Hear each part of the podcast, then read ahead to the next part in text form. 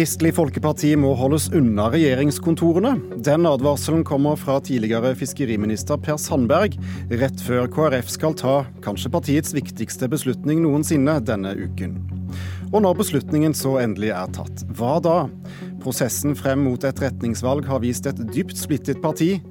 Hvor mye tilgivelse og kjærlighet er det egentlig i KrF til å kunne gå videre sammen? Velkommen til Politisk kvarter på starten av det som vel må kunne beskrives som Kristelig Folkepartis skjebneuke.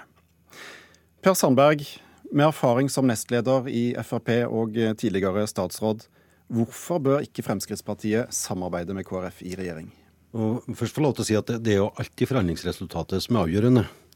Eh, men nå har vi Fremskrittspartiet sittet i regjering i, i noen år, eh, og det er i å ta. Eh, det er jo ikke til å legge skjul på at også i Fremskrittspartiet så er det eh, deler av partiet som eh, nå mener at forhandlingsrommet til Fremskrittspartiet har blitt veldig tynt. Det er ikke noe mye mer å gå på. Det er helt naturlig når du sier to partier forhandler, så gir du litt. Så kommer det et parti til, så er det tre, så må du gi noe mer. Og så skal det inn i et fjerde parti, så skal du gi enda mer.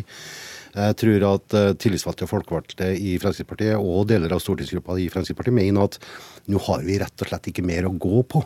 Eh, i forhold til vår primærpolitikk. Eh, og Derfor er det jo også en opposisjon i Fremskrittspartiet. Eh, og jeg tror at hvis KrF nå da går inn i regjering, så skal man også gi. KrF skal ha noe for å delta i denne regjeringa. Og da er det avgjørende hvem er det som skal gi. Er det Venstre, er det Høyre, er det Frp? Og jeg er redd for at et sånt forhandlingsresultat vil vise at Frp igjen må gi på særlig viktige områder. Eh, ja, Hva slags saker eh, ja, vi, vi, Jeg har jo vært med på forhandlinger med KrF tidligere også, eh, og sittet og forhandla med Venstre. Når Venstre kom inn, så måtte Fremskrittspartiet gi noe. Både på innvandring, integrering, på infrastruktur, særlig på dette med balansen mellom vei og kollektivtrafikk. Balansen mellom innvandringens mengde i forhold til integreringsprosesser, hjelp i nærområdene eller mange flyktninger skal vi ta til Norge. Alle disse skatter og avgifter tror jeg ikke blir lett lettere å redusere med KrF i regjering eh, enn det er i dag. Så det, så det, er limiten på hva Fremskrittspartiet har gitt gjennom eh, alle disse årene i, i, regjering, som har vært en suksess for Fremskrittspartiet. Men jeg tror vi begynner å nærme oss taket i forhold til hva mer kan man gi. Lars eh, Salvesen, fylkesvaraordfører og leder av uh, fylkestingsgruppen i Akershus for KrF. Ditt fylkeslag skal velge delegater til landsmøtet i dag. Du selv har landet eh, på at du vil eh, inn i dagens eh, regjering. Hvordan reagerer du da når du hører Per Sandberg ber sine gamle kolleger om å holde deg og dere ute? Ja, Nå er jo det kanskje mer et råd til sine egne i Frp. Jeg syns vel at de som da er litt skeptiske til at KrF går inn i regjering, må jo da ta det som et, eh, som et eh, initiativ og et kompliment til oss for at vi vil trekke politikken da mer mot sentrum. Og Det er jo det vi også ønsker ved å gå inn i regjering, og tror at vi kan få mer god KrF-politikk eh, som er bra for landet og bra for folk. Um den, den, frykten, eh, den, frykten, eh, Sandberg eh, kommer med her, er det Viser det at KrF kan faktisk få til noe i regjering? At det er en styrke i et parti med såpass lite oppslutning, tross alt? Ja, Nå har vi jo i hvert fall veldig god oppslutning for tiden i media. Så får jeg håpe at det også gir uttelling på meningsmålingene. Jeg tror jo at det er bra for landet med en flertallsregjering. KrF er jo et parti som egentlig ikke er så veldig flink til å være opposisjon. Så jeg tror vi får mer fram partiet når vi kommer i posisjon, fordi vi er litt ansvarlige i seg sjøl. Frp sier at de, Per Sandberg at de har fått nok. Jeg tror jo at det gjør at det vil bli nytt giv med KrF inn i regjering. De sakene som vi er enige om, det tror jeg vil være bra for Frp. Og de sakene som vi er uenige om, så vil vi i hvert fall få den diskusjonen tatt i regjering, og ikke tatt eh, på Stortinget, hvor det liksom blir litt sånn mer støy. Eh, landet trenger en eh, god regjering, det gjør jo alle land. og den, den roen som på en måte Norge har, motsatt til mange andre land, den tror jeg vil bli bedre med en flertallsregjering. Sandberg, eh, det er vel ingen hemmelighet at eh, verken Frp eller KrF er spesielt glad i hverandre, men har ikke likevel eh, kanskje begge partiene, så lenge man da definerer seg inn i den borgerlige blokken, hvis det skjer på fredag, et slags ansvar for at det blir en, en bred samlingsregjering? Jo, absolutt. En flertallsregjering vil da skape stabilitet, forutsigbarhet og ro, som det, eh, som det, blir påpekt. Men en flertallsregjering der at eh, du har mange uenighetspunkter, kan også føre til at vi får en situasjon som vi hadde med de rød-grønne i 80 år. Det at du ikke flytter deg noen plass. Det at du ikke tar noen avgjørelser fordi at beslutningsvegringen blir sterkere og frykten for neste valg blir sterkere. Men jeg registrerer jo, jeg har jo sittet i mange forhandlinger med KrF. og ja, selvfølgelig har vi hatt oppheta diskusjoner og uenigheter. Men vi har jo alltid vært eh, holdt på å si, eh, rimelig eh, omforent når vi har gått ut av forhandlingsrommet. Både enten det gjelder forhandlinger på Stortinget eller når det gjaldt, gjaldt regjering i 2013 f.eks. Men jeg, jeg, registrerer jo det at KrF er fortsatt litt på dette sporet med ikke kanskje så mye politikk, men mer på kjemi, person, relasjoner, retorikk og alt dette. Og det syns jeg er litt beklagelig, for det har nesten tatt mer Eh, eh, rom enn det som går på politikken. Altså jeg synes at Alle politikere alle politiske partier skal bevege seg bort fra det som går på uenighet når det gjelder personkjemi, retorikk og ordet, men konsentrere seg om den politikken som er til det beste for landet, for folket. Eh, og Der har jo KrF fått betydelig gjennomslag gjennom å sitte utafor regjering også de siste fem årene. Og jeg er rimelig sikker på at KrF i regjering sammen med Arbeiderpartiet, med SV på vippen, Eh, jeg skal ikke skremme KrF eh, voldsomt, men situasjonen for KrF i 2021 med å sitte og regjere med SV på vippen, det vil nok være en katastrofe for eh, KrF. Det er jeg rimelig sikker på. Så ser jeg at det dukker da opp et tredje alternativ i KrF som heter det gule. Det er jo dem som ønsker fortsatt å sitte i opposisjon. Og det er det kanskje bedre å tenke samarbeidsvilje mot den sittende regjeringa i forhold til det. Er det fornuftig med et fornuftsekteskap her med Frp, selv om det kan, eh, kan bli lange samtaler om å, å, gi og ta? Eh, det er vel alltid lurt å elske den eh, man får. Så, sånn er det vel i et fornuftsekteskap også. Jeg tror jo at politikk handler jo om å finne løsninger. Så er det jo riktig som Per Sandberg at vi, vi sier jo også at retorikken er viktig. altså Ord betyr noen ting. Men vi har jo vært eh, så heldige å få til ganske eh, gode, godt samarbeid med dagens regjering. Vi har vært tross alt fem budsjettsamarbeider, og vi har funnet fram løsninger. Samtidig så tror jeg at eh, for KrF sitt del så er det jo liksom det å komme også inn på dette med dag-for-dag-politikken, finne løsninger time for time, vil gjøre at også vi i større grad kan være med og tenke langsiktig og strategisk.